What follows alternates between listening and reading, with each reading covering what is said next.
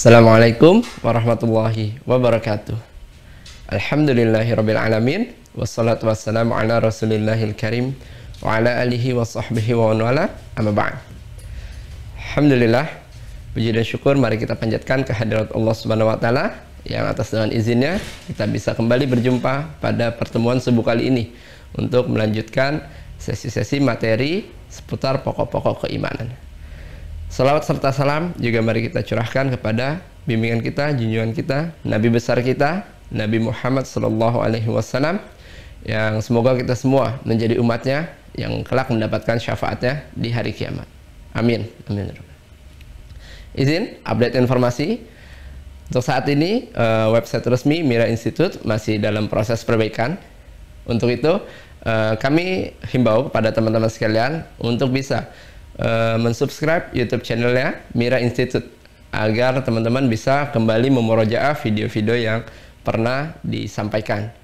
Insya Allah teman-teman bisa masuk ke playlistnya ya di YouTube resminya Mira Institute. Jangan lupa di subscribe dan jangan lupa tekan tombol loncengnya agar setiap video atau pemberitahuan yang masuk bisa langsung masuk ke perangkat teman-teman sekalian. Adapun pada teman-teman yang sudah tergabung dan sudah terdaftar menjadi mahasantri di Mira Institute, jangan lupa untuk bisa bergabung di grup Facebook dan grup Telegramnya Mira Institute agar teman-teman bisa mendapatkan informasi-informasi terbaru seputar kegiatan di Mira Institute. Untuk nama Facebook dan nama Telegramnya teman-teman bisa lihat di layar teman-teman sekalian. Sudah bisa terlihat teman-teman? Ya. Oke. Untuk itu kami kembali mengingatkan kepada teman-teman yang sudah tergabung di Zoom untuk senantiasa menyesuaikan format namanya sesuai dengan format yang sudah kami tampilkan di layar teman-teman sekalian. Aktifkan kameranya agar kami bisa lebih mengenal wajah teman-teman sekalian dan juga untuk mikrofonnya dimatikan terlebih dahulu agar kajian berlangsung dengan baik dan lancar. Nah, bagi teman-teman yang tergabung di YouTube insya Allah kesempatan untuk mendaftar sebagai mahasantri di Mira Institute masih terbuka. Insya Allah nanti jika website yang sudah bisa digunakan kembali, maka kami akan menginformasikannya. Baik, untuk itu kami mengingatkan pada teman-teman sekalian untuk senantiasa menjaga adab-adab kita dalam menuntut ilmu. Luruskan niat hanya untuk mencari ridha Allah Subhanahu wa taala, serius dalam menyimak kajian berlangsung dan jangan lupa untuk menggunakan pakaian yang sopan sesuai dengan syariat, duduk yang baik, tidak sambil rebahan, tidak sambil makan, siapkan buku dan juga alat tulisnya. Jangan lupa untuk mencatat materi yang disampaikan. Semoga dengan ikhtiar kita menjaga adab kita di hadapan ilmu, maka Allah turunkan keberkahan sehingga Allah mudahkan kita untuk memahami materi yang disampaikan dan juga dapat diamalkan dalam kehidupan kita sehari-hari. Baik, sesaat lagi kajian akan segera dimulai. Untuk itu, mari persiapkan hati, persiapkan pikiran kita, tetap fokus, tepikan hal-hal yang bisa mengganggu fokus teman-teman sekalian. Terima kasih atas perhatiannya. Assalamualaikum warahmatullahi wabarakatuh.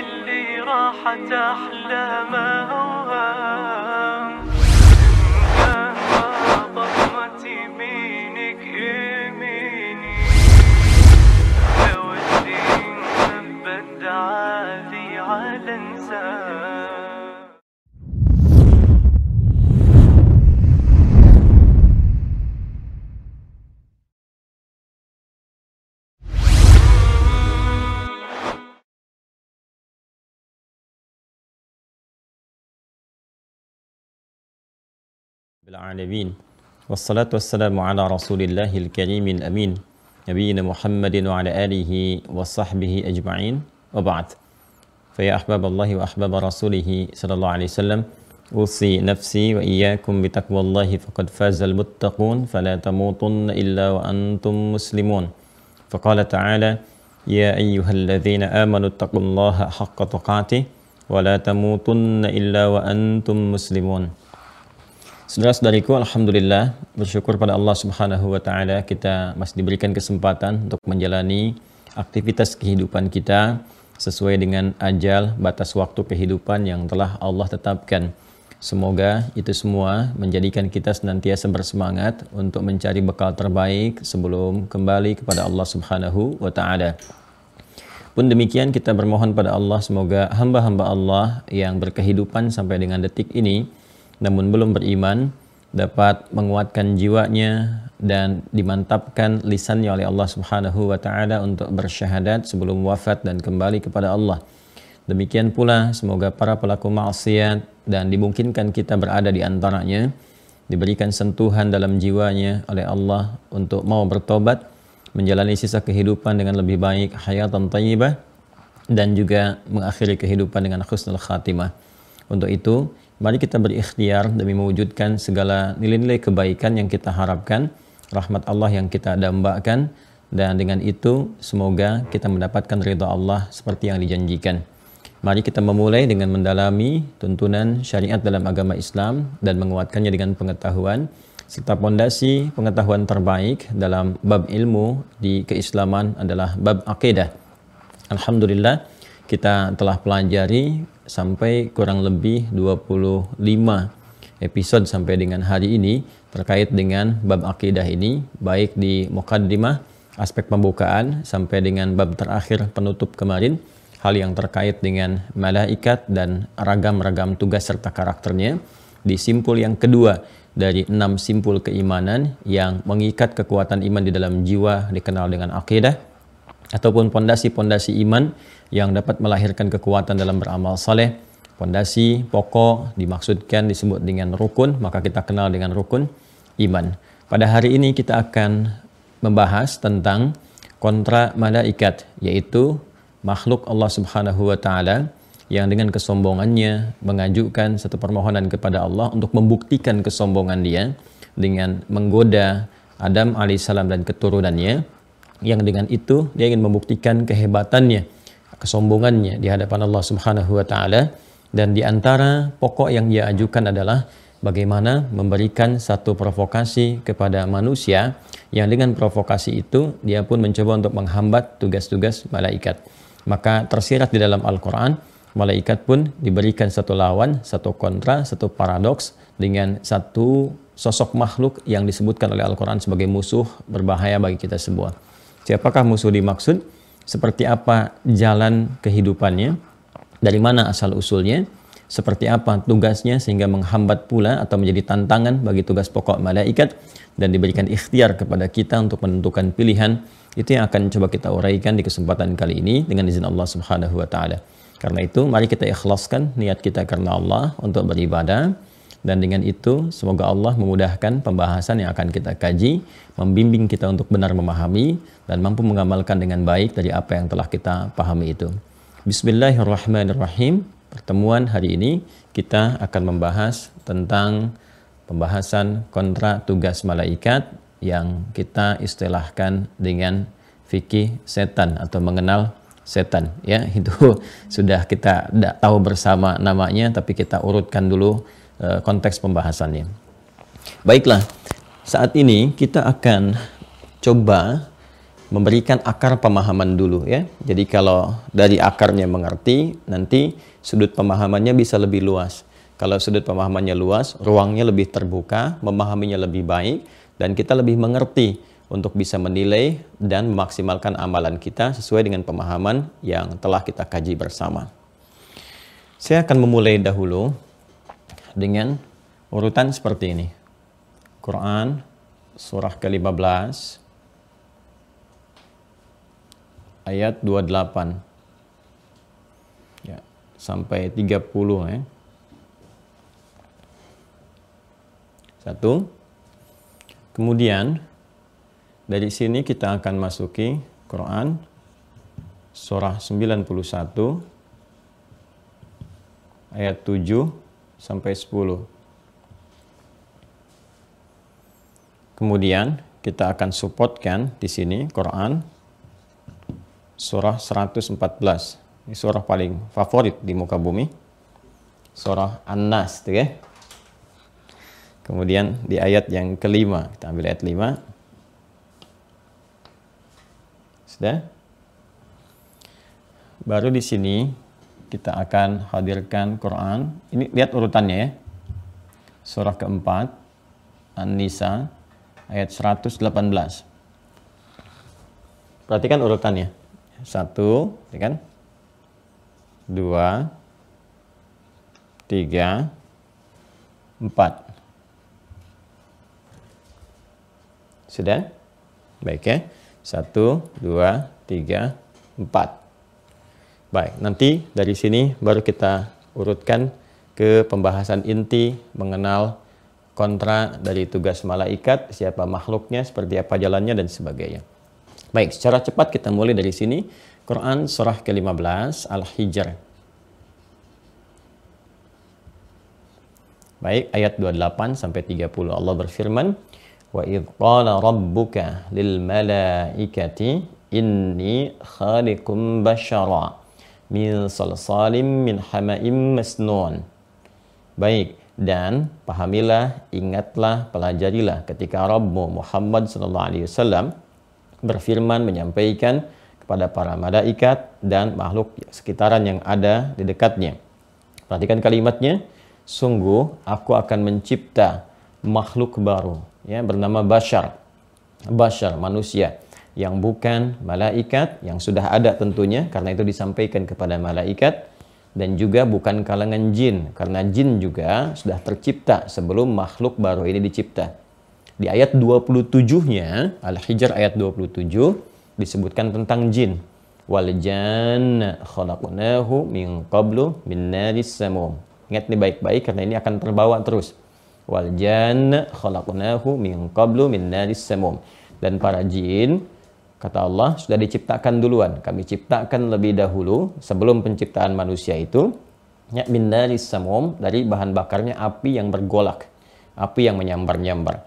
Jadi saat informasi ini disampaikan, ya, penciptaan manusia pertama disebut dengan bashar untuk menunjukkan materi penciptaannya, penampilannya yang berbeda dengan malaikat, dengan jin, bahkan juga nanti dengan makhluk-makhluk yang lainnya.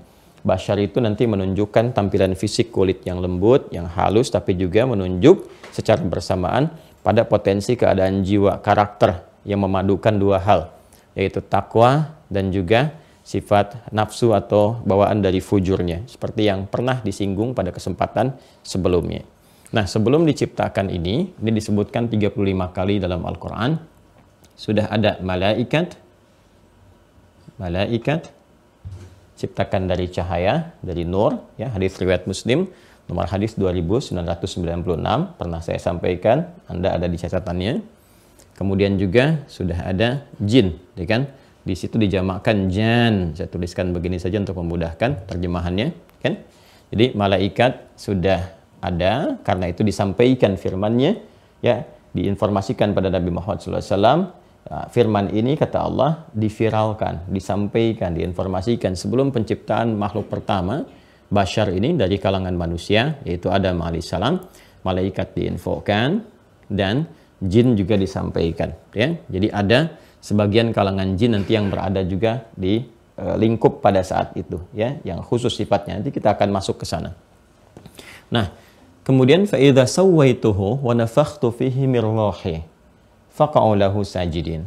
Di sini jika Allah telah sempurnakan penciptaan bagian fisiknya dalam proses penciptaannya ya proses penciptaan ini baik ya pertama terkait aspek fisikal ini sudah saya terangkan di awal jumpa kita di bab tentang mukaddimah. Saat saya membahas tentang esensi beragama kemudian kita uraikan pembahasan tentang anatomi manusia manusia tercipta dengan anatomi seperti apa bagian-bagiannya bagaimana mohon kepada yang baru bergabung baik di YouTube ataupun yang baru tersambung menjadi keluarga besar Mira Mahad Islam Rafia Akhyar Anda bisa cek kembali taklim yang kami sampaikan pembahasan tentang ini di YouTube Mira ya. Jadi Anda masuk ke Mira Institute, Anda subscribe, Anda lihat di bawahnya untuk diingatkan subscribe untuk diingatkan kan. Kemudian Anda lihat pembahasan yang awal. Kami urutkan betul episode 1, 2, 3, 4. Cari pembahasan tentang mukaddimah, tentang esensi beragama, anatomi manusia. Itu akan Anda dapatkan ini supaya tidak mengulang terlampau jauh, ya. Kemudian ini berproses, ya. Lalu dalam proses itu ditiupkan roh wa nafakhtu fihi mir rohnya ditiupkan baik jadi secara fisikal demikian pula anak cucu Adam kan? Berproses empat bulan dalam kandungan seperti pernah saya sampaikan baru roh ditiupkan. Itu pun diterangkan dalam hadis Nabi Muhammad SAW paling mudah cek di Al-Arba'in hadis nomor keempat dari Abdullah bin Mas'ud radhiyallahu taala anhu seperti yang pernah saya ulas saya terangkan. Usia empat bulan terjadi perjanjian komitmen dengan Allah untuk menuhankan Allah sekaligus juga dampak dari komitmen ini Allah menunaikan kewajiban untuk merawat, memberikan perhatian, memberikan kebutuhan dan memberikan petunjuk untuk mendapatkan hidayah sehingga bisa menjalani misi kekhalifahan di bumi dengan baik dan sempurna mencari bekal sampai kembali kepada Allah Subhanahu wa taala. Tinggal manusianya apakah komitmen dengan itu atau tidak ya. Quran surah ke-7 Al-A'raf ayat 172. Kemudian juga diberikan nanti potensi untuk akal sesuai dengan perkembangan-perkembangan kehidupan manusia akal itu akan matang ya. Dan terkait dengan pengetahuan ini sudah saya terangkan. Nah, concernnya adalah ketika roh ditiupkan kepada fisik ya, maka dimulailah kemudian tanda kehidupan. Karena roh ini generatornya, roh penggeraknya, roh inti dari kehidupannya. Ini yang menggerakkan ya kepada fisik untuk beraktivitas tangan ya bisa bergerak kaki melangkah demikian organ, tubuh yang lainnya itu intinya ada di roh diberikan perintah diikat oleh akal diterjemahkan secara singkat sekali sepersekian detik lalu ditransmisikan kepada anggota tubuh untuk menjalankan perintah yang bersumber dari roh itu. Nah ketika roh masuk ke dalam fisik maka berubah namanya disebut dengan nafas. Ya nafas. Di sini bahkan diserap di dalam bahasa Indonesia dengan kata nafas. Nafas. Orang itu bisa bernafas. Maksudnya apa? Ada mulai tanda-tanda kehidupan dia karena roh sudah ada dalam fisiknya, dalam tubuhnya, dalam jasadnya. Diserap ke dalam bahasa Indonesia, orang itu memiliki tanda kehidupan, bernafas. Karena itu seorang yang ingin dicek apakah dia masih punya tanda kehidupan atau tidak, cek nafasnya, cek denyut nadinya. Ya kan? cek lihat pergerakan jantungnya dan sebagainya secara fisikal, secara fisikal yang menunjukkan ada gerakan nafas dalam dirinya. Baik ya. Nah, ini teman-teman sekalian, kita pindah ke Quran surah 91 ayat 7 sampai dengan 10, surah Asy-Syams ya. Ini Al-Hijr, yang ini Asy-Syams. Surah 91 ayat 7 sampai 10. Kembali ke sini dulu, saat roh ditiupkan kepada fisik dan mulai muncul tanda kehidupan, baik, maka ini ya ini ketika masuk dirubah namanya menjadi nafas. Jelas ya? Baik. Saya bacakan dulu yang ini, faidza sawaituhu dan aku bila telah sempurnakan. Jika aku telah sempurnakan sawa yusawi, kan? Proses ini masuknya roh ke dalam fisik ya dengan kesempurnaan fisik dulu menggunakan kata sawwa yusawi. Nah, Allah berfirman, "Faida sawaituhu", ya kan? Wa nafakhtu fihi min ruhi. Apabila aku telah sempurnakan proses penciptaan ini dalam fisikal, wa nafakhtu fihi min ruhi ditiupkan roh ya langsung dengan ketentuan Allah Subhanahu wa taala. Baik, fokus baik-baik. Maka ketika sempurna ini berubah nanti nama roh ini menjadi nafas sumber kehidupan ini. Maka pindah ke Quran surah 91. Tahu dari mana ini? Pindah Quran surah 91 ayat 7 sampai 10. Wa nafsiu wa ma sawwaha. Perhatikan ya. Ini agak dalam sekali ya, minta mohon pada Allah untuk memberikan kekuatan pemahaman dan semoga Allah memudahkan untuk disampaikan dan kita pahami. Perhatikan baik-baik. Wa nafsiu wa ma sawwaha. Dan demi nafas itu ya, demi jiwa diterjemahkan ke dalam bahasa Indonesia itu dengan jiwa, gitu kan? Jiwa sebagai sumber kehidupan. Dan demi nafas itu wama sawaha dan yang telah sempurna penciptaan jiwa itu ini saat masuk ke dalam fisik. Karena kalimat sawa ini digunakan untuk membentuk kesempurnaan fisikal. Ya kalau kita mau gali kembali ke sini gitu kan? Uh, Fa'idha sawaituhu kan bila aku telah sempurnakan proses penciptaan fisikal ini wa nafakhtu fihi rohi. Di sini wa nafsi wa ma sawaha. Begitu rohnya masuk ke sini disebut dengan nafas ya dan demi jiwa yang sempurna kemudian menjalani tanda-tanda kehidupan menjadi nafas wa ma sawaha ya kan dan dengan itu masuk ke dalam fisik yang berproses secara sempurna. Maka Ketika roh masuk ke fisik dan menjadi nafas ini, dia pun membawa dua potensi. Seperti yang detil panjang saya uraikan pada pertemuan selanjutnya. Di sini saya hanya ingin mengingatkan saja karena akan terbawa dengan pembahasan kita. Fa'alhamaha, maka di dalam nafas ini diilhamkan dua potensi yang nanti saling bersinergi. Ya kan? Satu menjadi katalis, yang satu disupport untuk dinaikkan, mensupport nilai-nilai dan cahaya kebaikan.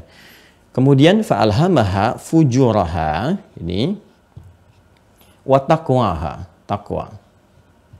Maka di dalam nafas ini ada dua potensi yang akan mensupport segala aktivitas yang dikerjakan oleh fisik. Diikat oleh akal, diterjemahkan, kemudian diinstruksikan kepada fisik untuk berperilaku, untuk merespon lewat tindakan, lewat perilaku. Begitu konsepsinya. Nah, sumbernya dari sini, dari jiwa. Makanya semua aktivitas kita itu sumbernya dari jiwa kita. Sadar atau tidak, kita selalu merasakan kan? Ada bisikan-bisikan, kan? Ada perintah-perintah dari diri kita, respon begini, lakukan ini, jalan ke sini. Bahkan dibimbing pikiran kita untuk memikirkan sesuatu. Ya? Sumbernya dari sini. Nah, yang diharapkan muncul dari kita semua dan diberikan pedoman, diisyaratkan, ditunjukkan dengan tegas oleh Al-Quran, dikuatkan oleh hadis-hadis Nabi Wasallam. Dasarnya yang ini. Jadi dari nafas itu jiwa takwa ini ya yang diharapkan, disupport bisa muncul karena ini yang membawa semua nilai-nilai kebaikan. Takwa ini kumpulan dari semua sifat baik. Semua ada di sini yang baik-baik. Ya, ada kejujuran, gitu kan? Ada ketawaduan, ya dan sebagainya. Ada kesabaran, ya kan? Dan sebagainya. Semua yang baik-baik kumpulnya di sini, takwa. Ini potensi takwa ini mengarah selalu pada kebaikan, baik terus. Karena itu sifat yang karakternya disupport oleh takwa, semua keluar akan baik-baik saja. Semuanya baik, baik, baik, baik. Karena itulah malaikat, seperti pernah kita bahas di pertemuan sebelumnya. Karena diciptakan oleh Allah dengan bawaan sifat takwa saja. Materinya cahaya, bawaannya takwa, maka konsisten pada kebaikan. Konsisten pada kebaikan, tidak pernah menyimpang, menunaikan tugas sempurna seperti yang diperintahkan. Itu yang diisyaratkan di Quran surah ke-66 At-Tahrim di ayat yang ke-6. Di ujung ayatnya ketika Allah berfirman, La ya'sunallaha ma amarahum wa yaf'aluna ma yu'marun. Allah memberikan contoh tentang malaikat penjaga neraka di situ, namun memberikan sifat keseluruhan malaikat di ayat itu. Allah sampaikan para malaikat semuanya, baik para penjaga di neraka, kemudian penjaga juga di surga, tugas-tugas yang lain dari Jibril dan sebagainya, la ya'sunallah. Mereka punya potensi taat saja, tidak ada potensi berbuat maksiat kepada Allah, tidak menyimpang. Wa yaf'aluna ma dan mengerjakan tugas sesuai tupoksinya. Kalau itu diperintahkan, itu saja yang dilakukan. Jadi, takwa itu kecenderungannya mensupport kepada semua nilai-nilai kebaikan. Ini poinnya. Ya, dan di sini kemarin kita bahas tentang para peran malaikat ya peran malaikat peran malaikat Baik. Malaikat memiliki peran ya di antaranya apa? Ditugaskan oleh Allah Subhanahu wa taala, di antara sekian malaikat ada yang ditugaskan oleh Allah Subhanahu wa taala untuk menjaga manusia. Menjaga saking rahmannya Allah Subhanahu wa taala. Allah sangat rahman, sangat berkasih sayang yang sangat dalam, tak terukur kedalamannya. Mudah bagi Allah membiarkan manusia berikhtiar sendiri untuk memunculkan takwanya. Ya, tapi Allah Subhanahu wa taala memberikan satu petunjuk, satu dorongan kasih yang dalam, diberikan hidayah, gitu kan? Apa di antaranya? Ada yang lewat dengan malaikat yang ditugaskan yang disebut dengan malaikat hafidhin ya hafidhin di Quran surah ke-82 Al-Infitar masih ingat Quran surah ke-82 Al-Infitar di ayat 10 sampai dengan 11 ada 10 sampai 11 ini dua fungsi utamanya ada? Ya, sepuluhnya disebut dengan hafidhin, sebelas yang disebut dengan kiraman katibin. Ada ayatnya ya? Baik. Ada dua fungsi ini malaikat yang telah kita bahas tentunya. Namanya nanti disebutkan dengan rakib dan atid seperti kita ketahui. kan? Ini nama sifat sebetulnya, rakib plus atid. ya. Tapi sering dijadikan sebagai nama. Sifat kalau disebutkan menjadi nama menunjukkan kesan kuat pemahaman kepada sifatnya. Ya kan? Doni orang yang jujur. Ya, jujur itu sifat bagi Doni. Doni namanya. Begitu kita katakan karena sifatnya sering kali melekat kuat, melekat kuat sehingga sulit dilepaskan kejujuran dari Doni.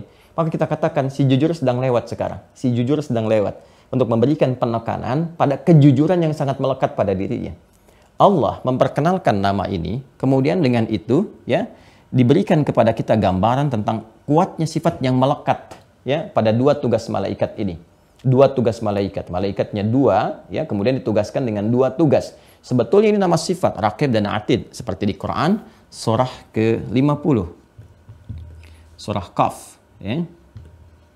Di ayat 16 sampai 18. Baik, Ya, sampai di ayat 18 ya kita temukan ma yalfidhu min qaulin illa ladaihi raqibun atid. Sudah kita bahas. Silahkan cek saat kita membahas tentang raqib dan atid. Ini asalnya nama sifat yang selalu hadir selalu mengawasi, rakib itu mengawasi, atid itu hadir, lekat, kuat, menempel, ya kan? Apa tugasnya? Kembali ke Al-Infitar ayat 10 sampai dengan 11. Hafidhin katibin. Hafidhin menjaga manusia, katibin mencatat semua yang keluar dari perilaku manusia. Baik perkataan, apalagi dengan perbuatan. Nah, ini yang mensupport malaikat ini ya untuk bisa menjaga nilai ketakwaan. Karena itu sering kita dengar teman-teman sekalian, bisikan-bisikan kebaikan ya sampai Nabi mengatakan istafti kalbak dengar suara hatimu minta fatwa kepada jiwamu yang dimaksudkan di situ adalah dengarkan yang baik-baiknya bisikan-bisikan kebaikan ambil itu ya kan nah kemudian juga ini yang paling penting Allah juga support nanti jiwa takwa ini selain dengan dorongan malaikat untuk menjaga juga dengan ibadah supaya takwanya muncul. Ya ibadah. Ibadah itu yang disebutkan dengan amal soleh nantinya. Ya ibadah yang disebutkan dengan apa? Amal soleh nanti karena itu konsepsi amal soleh dalam Al-Quran selalu lekat dengan kalimat takwa. Saya pernah sampaikan dengan banyak ayat dalam Al-Quran yang selalu menyandingkan takwa dengan amal soleh baik itu detilnya ataupun juga turunan-turunannya Dzalikal kitabu la raiba fi hudalil muttaqin. Siapa orang takwa muttaqin ini? Alladzina yu'minuna bil ghaib wa yuqimunas shalah. Ya, diminta kita salat, diminta kita berinfak, diminta kita puasa. Tujuannya apa? Untuk mensupport jiwa takwa ini supaya muncul, supaya kuat ke permukaan. Ya kan? Puasa, ya ayyuhalladzina amanu kutiba alaikumus siyam kama kutiba alal ladzina min qablikum la'allakum tattaqun. Supaya takwanya naik. Haji. Coba lihat ayat 197 di surah Al-Baqarah. Quran surah 2 ayat 197. Al-hajju ashhurum ma'lumat فمن فرض فيهن الحج فلا رفث ولا فسوق ولا جدال في الحج وما تفعلوا من خير يعلمه الله وتزودوا فإن خير الزاد التقوى تقوى ya jadi ini yang dimintakan naik support ke atas dan disinilah kemudian cahaya iman ini muncul jadi iman itu sumbernya dari sini diucapkan lewat lisan tembus ke dalam jiwa ke nafas ke sini sehingga bersemayam dalam jiwa takwa nah jadi iman ini nanti yang mendorong nilai-nilai ketakwaan, disupport lewat amal soleh, kemudian lewat bisikan-bisikan malaikat supaya menjadi cahaya, membimbing. Karena itu ketika kita ibadah, ya meningkatkan sholat kita kepada Allah, puasa dan sebagainya. Itu nanti ada cahaya kekuatan baik, cahaya takwa kita yang didorong oleh kekuatan iman menjadi cahaya, nur. Itu yang dimaksudkan nuruhum yas'a baina aidihim wa biaimanihim. Saat di akhirat tampak tuh cahaya-cahaya itu. Di dunianya berupa apa? Berupa cahaya kebaikan yang tampak lewat perilaku, majas sifatnya. Majas, kata kiasan. Cahaya itu membimbing bagaimana lisan bertutur, mata memandang, telinga mendengar, tangan kemudian bergerak, kaki melangkah dan sebagainya. Dibimbing oleh cahaya iman. Ya, yang muncul dari jiwa takwa ini. Asalnya demikian. Karena itu kita diperintahkan ibadah untuk memunculkan cahaya ini supaya muncul ke permukaan. Kalau ini yang baik naik, yang buruk akan ditekan. Kan kehidupan seperti itu. Quran surah ke-51 Adz-Dzariyat ayat 49. Wa min kulli syai'in khalaqna zawjaini la'allakum tadhakkarun. Dan segala hal kata Allah kami ciptakan dengan keagungan kami itu ya kata Allah apa? Berpasangan supaya kalian sadar hanya Allah yang tunggal Maha Esa yang tidak punya pasangan. Termasuk sikap pun dan sifat pun, bahkan makhluk, itu diciptakan berpasangan. Baik lawannya buruk, gitu kan? Semua laki-laki lawan perempuan, jantan betina untuk binatang, putik benang sari untuk tumbuhan. Ya, baik lawannya buruk dan biasanya kalau satu dominan, yang lain akan turun. Jadi kalau baiknya itu naik, maka jeleknya akan turun. Kalau solehnya naik, salahnya itu tidak akan muncul. Karena itu orang yang punya kebiasaan bertutur yang baik, itu tidak punya kekuatan untuk memunculkan tutur yang buruk. Karena nggak ada gitu tertekan ke bawah. Ini yang muncul terus naik. Naik, naik, naik. Ini yang diharapkan muncul. Ini yang diharapkan naik. Nah, yang ketiga, yang tidak kalah penting juga, Allah supportkan ini ya dengan satu katalis. Kalau tadi kan dengan bisikan malaikat, kemudian dengan amal soleh supaya naik kan, di antaranya sholat kan, sholat, eh, tadi saya tuntaskan terlebih dahulu ketika Allah perintahkan untuk memunculkan kebaikan, sehingga yang jeleknya turun. Kembali ke Quran surah ke-29 Al-Ankabut untuk mengingatkan ayat ke-45. Ketika Anda ditanya apa sih fungsinya sholat, kenapa mesti sholat? Allah jawab, Utslu ma uhya ilaika minal kitab. Hei coba baca dulu. Ya, pahami apa yang kami telah terangkan kata Allah di dalam Alkitab, dalam Al-Qur'an. Baca, ya. Setelah itu apa? Wa aqimis sholat. Kalau sudah paham, mengerti itu semua, tunaikan sholat. Ternyata di antara informasi pedoman yang disampaikan oleh Allah kepada Rasulullah dan diteruskan kepada kita, inna salata tanha anil fahsya wal munkar. Sungguh kalau salat benar ditunaikan, karena itu ada alif lamnya di situ. Inna salah. Allah tidak mengatakan inna salah. Ya, nakirah umum bebas, tapi inna salah ada alif lamnya. Sehingga di situ alif lam akan mengikat kita dengan hukum ketentuan. Jadi sholat itu bukan seenaknya kita tunaikan, bukan bebas, ada hukum ketentuannya. Kalau benar ditunaikan seperti itu, tanha anil fahsyai wal munkar, akan terbebas dari dua sumber keburukan. Imma fahsya, keburukan yang bersumber dari syahwat, memunculkan nanti reaksi ya ke dalam diri kita nanti baru muncul aksi dari situ. Apa di antaranya pornografi porno aksi kata-kata kotor jorok dan sebagainya itu fahsya. Mungkar segala yang diingkari oleh hati kita mencuri merampok dan sebagainya dengan menipu korupsi bikin hoax itu mungkar. Nah kalau kita sholatnya benar nah sholat itu mensupport kepada jiwa kita nafas kita. Apa yang disupport? Takwa karena itu sholat dikaitkan dengan takwa. Begitu ini naik, ada cahaya iman membimbing. Karena itu kalau orang sholatnya benar, terjadi perubahan perilaku. Ya, itulah kesan yang tampak ketika Nabi mengarahkan kita mendidik dengan sholat dulu pada anak-anak usia dini. Ya, tujuh tahun, terus sepuluh tahun dengan tegas. Kenapa? Karena kalau dari kecil sholatnya benar, jadi anak baik. Pemuda baik, orang tua baik, suami-suami baik, istri-istri baik sampai berkelanjutan sampai kembali kepada Allah. Ini kuncinya. Karena itulah salat diwajibkan dengan segala kondisi dan diberikan kemungkinan kepada semua hamba untuk mengerjakannya sampai titik yang terakhir. Nanti bab syariat kita akan bahas dengan detail. Insya Allah ya. Nah, kemudian yang ketiga, selain tadi dengan bisikan malaikat, dengan support ibadah, adalah dengan katalis. Ya, apa katalisnya? Jiwa fujur. Jiwa fujur. Jadi Katalis dari takwa ini, katalis itu untuk mempercepat sesuatu ya.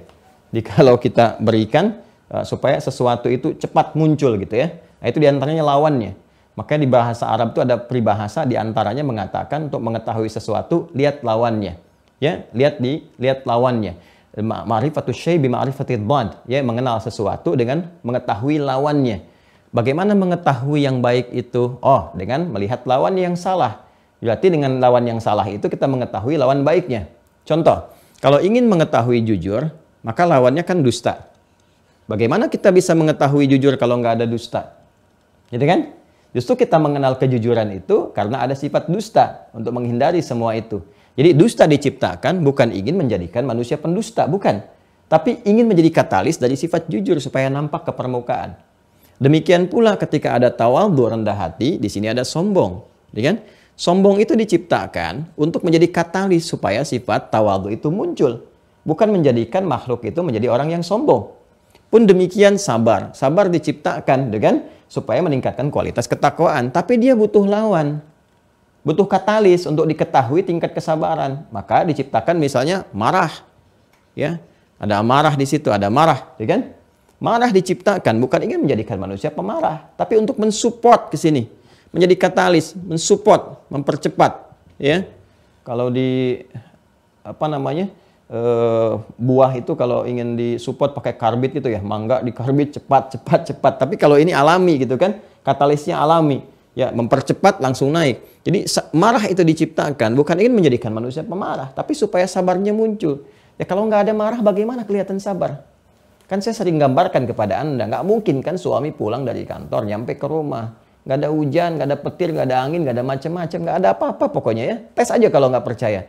Pulang normal seperti biasa. Kemudian anda sambut di rumah, apakah anda sebagai anak, sebagai ibu atau sebagai istri misalnya kan, sambut di rumah. Begitu datang pulang, papa yang sabar ya Coba lihat bagaimana responnya.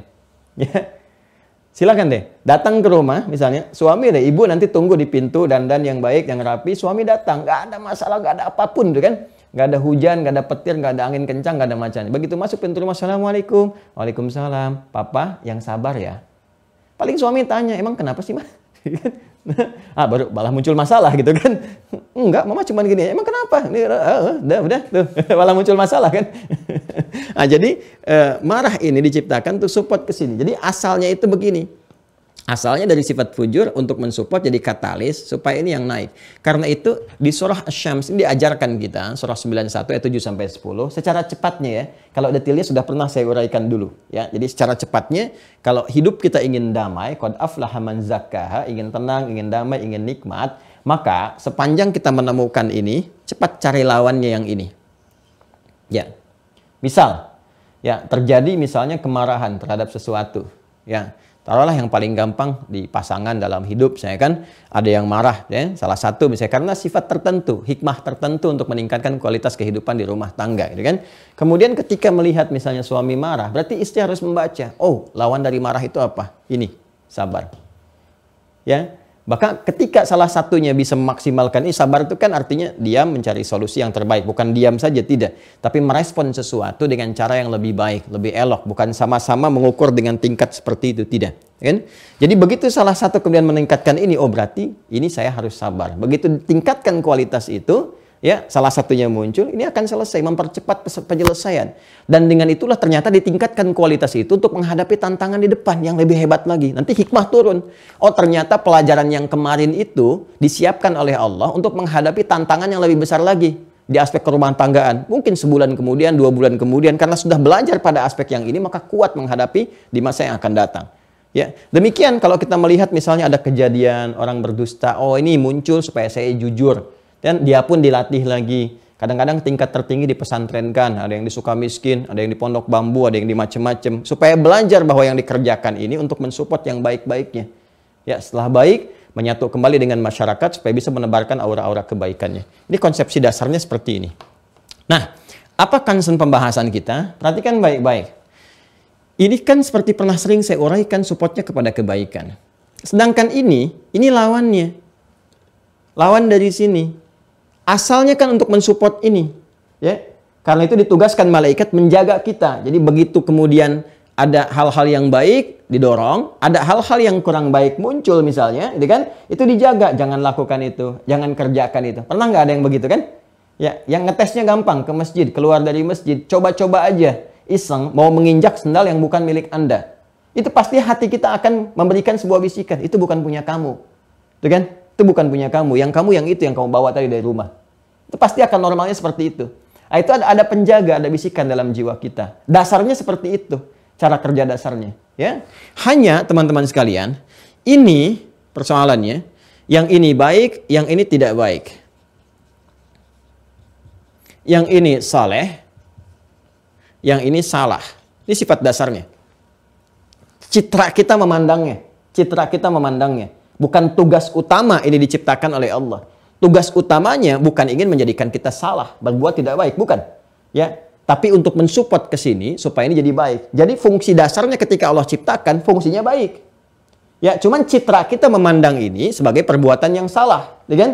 Kenapa menjadi salah? Karena nanti ada satu makhluk yang mengajukan permintaan kepada Allah untuk bisa, nah ini dia. Dia memprovokasi Ya, mohon diberikan kewenangan kepada Allah memprovokasi, menggunakan, memberikan bisikan-bisikan kepada yang ini satu saja. Supaya dia berdiri sendiri. Yang dengan itulah kemudian citra salah ini menjadi muncul dan menguat. Akhirnya alih-alih manusia menjadi soleh, dia terjebak menjadi manusia yang salah. Alih-alih baik, dia menjadi pribadi yang tidak baik. Siapa makhluk ini yang mengajukan proposal kepada Allah Subhanahu wa taala, dengan meminta kepada Allah supaya diberikan satu bagian dari manusia untuk membuktikan kesombongan dia ya untuk memberi membuktikan kepada Allah bahwa dia merasa yang paling hebat dan sebagainya dia bisa menaklukkan manusia dan seterusnya. Maka bagaimana dia mengajukan? Direkam kemudian pindah dulu ke sini. Perhatikan urutannya ya. Saya urutkan begini tapi saya lompatkan ke sini dulu. Lihat baik-baik. Quran surah keempat An-Nisa ayat 118 Baik ya. La'anahullah. Maka Allah melaknat setan itu. Nanti kita akan uh, bahas dengan detail, ya kan? Maka Allah melaknat setan itu. Waqala ya, setelah dia dilaknat, ya, diminta keluar kemudian ya dari tempat mulia yang pernah dia tempati cukup lama, di situ dia dinilai baik karena perbuatan ini dan kesombongannya dia terusir dari situ. Ya, tiba kemudian dia tahu sebetulnya dia bisa bertobat, bisa diampuni. Tapi karena kesombongannya ini tertutuplah peluang-peluang tadi dengan perbuatannya itu yang dimaksudkan. Kemudian dia mengajukan kepada Allah, memohon, meminta kepada Allah untuk diberikan satu bagian dari manusia yang dengan itu dia ingin buktikan kesombongannya. Wa qala la attakhidanna min ibadika nasiban. Ya, perhatikan baik-baik. La'anahullah. Dia dilaknat oleh Allah Subhanahu wa taala lantas dia mengajukan proposal kepada Allah, memohon meminta kepada Allah, la'attakhidanna min ibadika nasiban mafruḍa. Ya Allah berikan kesempatan kepada aku, kan? Untuk mengambil satu bagian dari hambamu itu. Nasiban mafruḍa yang telah engkau tetapkan. Baik ya. Nah, apa yang dimaksudkan satu bagian nasib ya dari hamba-hambamu? Allah menciptakan hamba-hamba yang dimaksudkan ke sini, Bashar, anak cucu Adam, ya. Ya, ingat ini ya, anak cucu Adam, Adamnya. Quran surah kedua ayat 31 wa 'allama Adam al asma'a kullaha ya diberi nama dengan Adam. Nanti ketika turun ke bumi Quran surah kedua ayat 38 supaya mempercepat ya pemahaman. Kul nahbitu minha jami'a Adam dan Hawa turun ke bumi menjalani kehidupan membawa misi sebagai khalifah di ayat 30-nya ini kemudian mereka berkeluarga melahirkan keturunan. Quran surah keempat ayat 1 ya kan? Kemudian bertingkat e, bertempat tinggal berbeda-beda tempat sampai bersuku-suku gitu kan? Quran surah ke-49 ayat 13 nah kemudian ketika berketurunan ini anak-anak keturunannya oleh Allah disebut dengan Bani Adam. Bani Adam disebutkan tujuh kali dalam Al-Quran. Contohnya Quran surah ke-7 misalnya ayat 31 ya Bani Adam khudhu zinatakum inda kulli masjid. Baik. Nah, semua anak cucu Adam yang berkehidupan ini ditugaskan oleh Allah untuk beribadah kepada Allah. Jadi misi kehidupan di bumi ini menunaikan tugas sebagai khalifah, membangun risalah, itu tugasnya semua sebagai ibadah, aktivitas. Ya, tuh saking kagetnya itu spidol sampai jatuh karena ada orang-orang yang harusnya ibadah, dia tidak ibadah, gitu kan. Nah, jadi teman-teman sekalian, dari sini turun Quran surah ke-51. Quran surah 51 ayat 56. Wa ma khalaqtul jinna wal insa illa liya'budun dan tidaklah aku ciptakan jin dan manusia itu ini ya tidak diciptakan jin dan manusia kita ambil misi kita saja sebagai manusia untuk beraktivitas di bumi kita illa liya'budun kecuali untuk menjadikan semua aktivitasnya sebagai ibadah kepada Allah Subhanahu wa taala dari bangun tidur sampai tidur lagi meniti amal soleh Nah, jadi ini dari awal sampai ke sini. Poinnya adalah untuk apa? Ibadah. Nah, yang beribadah kepada Allah ini, teman-teman sekalian, disifati dirinya dengan nama abid namanya. Abid. Karena kata ibadah sendiri, ibadah, ya, dari kata abada ya'budu. Abada ya'budu. Jelas? Abada ya'budu. Abdan, gitu kan? Fahuwa abidun. Ini abid, orang yang ibadah. Jamaknya disebut dengan ibad di antara jamaknya. Bisa abidun, abidin, bisa ibad. Jamak dari kata abid itu ibad namanya. Nah, Seringkali di dalam Al-Quran kita disebut dengan kata ibad. Ibad, ibad, ibad. Wa ibadur rahmanil ladhina yamshuna alal ardi hauna. Demikian di surah Al-Furqan itu. Wa idha sa'alaka ibadi fa inni qarib. Kemudian di surah Al-Baqarah itu. Kan? Nah, kemudian kuliah ibadiyalladzina asrafu ala anfusim. Ibad, ibad. Demikian di surah Az-Zumar itu. Kenapa disebutkan dengan ibad, ibad, ibad, ibad? Untuk mengingatkan kepada kita, hei tugas kamu itu di muka bumi ibadah Niatkan semua aktivitasmu untuk ibadah. Makanmu ibadah, minummu ibadah, kerjamu ibadah, dan sebagainya. Ingat tugas kamu itu. Dan bekal ibadah itu yang dibawa nanti untuk pulang menghadap Allah. Karena itu ditampakkan setiap kita diminta oleh syariat Islam mengiringi setiap yang wafat ke alam kubur. Kita bisa melihat yang dibawa apa? Nggak ada. Jadi semua yang terkait dengan keduniaannya itu kan ditinggalkan. Karena itu disebutkan telah meninggal dunia. Kita bekerja, capek, keringat, lelah, panas, dingin, macam-macam dari gelap sampai gelap lagi. Alhamdulillah menghasilkan dari rumah yang cukup mewah, kendaraan banyak dan sebagainya. Apakah saat kemudian dikuburkan semua itu ada? Tidak. Diikutkan ke alam kubur? Tidak. Ya, kipas angin misalnya supaya nggak gerah di alam kubur dipasang? Tidak. Ya kan? Yang dipakai cuma hanya untuk menutup aurat saja dengan kain kafan, itu pun nggak ada kantongnya yang biasa kita kantongi nggak bisa dikantongi, nggak pakai kaos kaki, semua ditutup rapi keseluruhannya, beres selesai. Apa yang dibawa? Yang dibawa adalah asas manfaat dari benda-benda tadi yang difasilitaskan oleh Allah kepada kita untuk menggunakannya sebagai ibadah. Apa asas manfaat dari pakaian ini? Jadi ibadah enggak? Kendaraan itu jadi ibadah enggak? Rumah itu jadi ibadah enggak? Jadi Allah tuh sering memanggil kita dengan nama ini untuk mengingatkan. Hei fulan yang merasa kaya, fungsi kekayaan itu aku titipkan supaya engkau ibadah. Hei yang punya jabatan, kedudukan itu aku titipkan untuk supaya engkau maksimalkan jadi ibadah. Hei yang merasa punya ilmu dengan gelar apa pun, ustadz, doktor, profesor, macam-macam dan sebagainya, aku titipkan supaya jadi ibadah. Jadi semua konsepsi itu ibadah. Karena itu mesti sadar kalau kita baca kalimat di Quran ada ibad, ibad, ibad, itu kita sedang disentuh. Kita sedang disentuh gitu kan. Nah, jadi jangan sampai kita lupa bahwa apa yang kita kerjakan segalanya titipan pada saatnya ditinggalkan. Ya kalau bukan kita yang menanggalkannya, kita yang ditinggalkannya. Kalau bukan kita menanggalkan kedudukan, kemewahan dan sebagainya, kita yang ditinggalkan oleh semua itu. Karena itu, cari sesuatu yang pasti ini. Mumpung masih dititipkan, gunakan untuk ibadah. Kalau itu sudah purna, sudah selesai, termasuk kekayaan, pengetahuan, jabatan, dan sebagainya, maka selesai fungsi ini. Karena itu untuk menguatkan, tiap hari kita katakan, 17 kali Anda bayangkan, Allah meminta kita mengingat, mengingat dan diikrarkan lewat lisan. Anda kalau bekerja di perusahaan profesional misalnya kan bagus, bukankah sering kali ada ikrar tuh? Ya kan? Sebelum memulai tugas, Anda dihadapkan, terus sampaikan pada ikrar di perusahaan Anda, visi misi perusahaan, begini, begini, begini, begini, begini. Bukankah di sekolah-sekolah dari TK, dari SD, SMP ada ikrar tuh? Dibacakan, kami murid-murid sekolah, begini, begini, begini, begini, dan disampaikan. Ya, ikrar itu kan sebuah komitmen, ketetapan yang dibangun eh, oleh lisan kita, dikuatkan pada hati kita, disebutkan tiap waktu supaya terekam di memori kita, ditembuskan kepada jiwa kita sehingga menyatu dengan diri dan tanpa sadar kita lakukan sebagai kepribadian. Sebagai bagian dari kepribadian. Nah, 17 kali dalam sehari kita berikrar untuk ibadah ini. Apa kalimatnya? Iya karena budu. Tuh.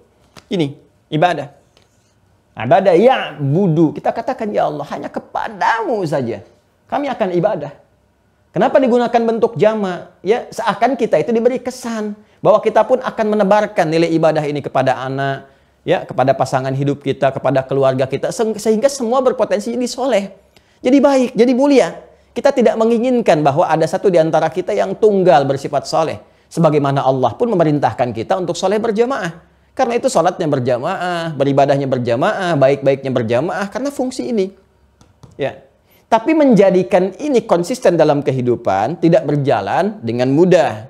Kenapa? Karena ada satu makhluk yang mengajukan permohonan kepada Allah, proposalnya jelas.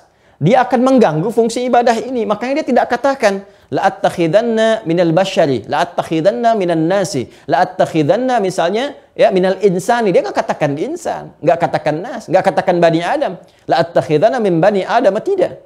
Dia katakan kembali ke Quran surah keempat ayat 118 ketika Allah melaknatnya, la'anahullah. Dia berkata apa? La attakhidanna min ibadika. Ini. Min ibadika nasiban mafruḍa. Saya akan mengambil ya Allah satu bagian. Saya ingin buktikan kehebatan saya dibandingkan dengan Adam ini. Saya lebih hebat. Karena itu saya nggak bisa hormat sama dia. Saya ingin tunjukkan ya Allah saya yang lebih agung. Ya, lebih hebat dibandingkan dia. Apa yang dia lakukan? La attakhidhana min ibadika disebutkan ibadnya. Ingin memberikan kesan bahwa fungsi dia untuk ibadah itu akan saya tunjukkan dia akan gagal. Ini kan fungsinya Quran surah 51 ayat 56. Saya akan ganggu supaya gagal. Ya kan? Saya akan cegah dia supaya nggak bisa maksimal ibadah. Sedangkan kalau kita kembali ke sini, ibadah yang kita tunaikan, supportnya kan dari sini, jiwa takwa. Ya kan? Di sini kan ada iman. Karena itu dalam Al-Quran konsepsi takwa, iman, dan ibadah yang wujudnya berupa amal soleh. Yang sering kali saya bahas. Ya, itu selalu tersinergikan. Ini, satu, dua, tiga. Silahkan cek. Dhalikal kitabu la raiba fi hudalil muttaqin. Baru pembuka tuh di Al-Quran surah Al-Baqarah. Takwa. Siapa takwa itu? Alladzina yu'minuna bil ghaib. Ya. Bagaimana cara mendorong supaya iman naik, takwa menguat? Ini wa yuqimuna shalat. Salat ibadah. Wa mimma razaqnahum yunfiqun. Ibadah, ibadah itu perbuatan yang dibenarkan oleh Allah, diridhoinya kemarin. Perbuatan yang diridhoi, perbuatan disebut dengan amal. Diridhoi oleh Allah disebut dengan soleh. Karena itu iman sering kali disandingkan dengan kata amal soleh. Quran surah 103. Wal asr. Innal insana lafi khusr. Illa alladhina amanu wa amilus salihat. Jadi sumber ibadah itu dari sini.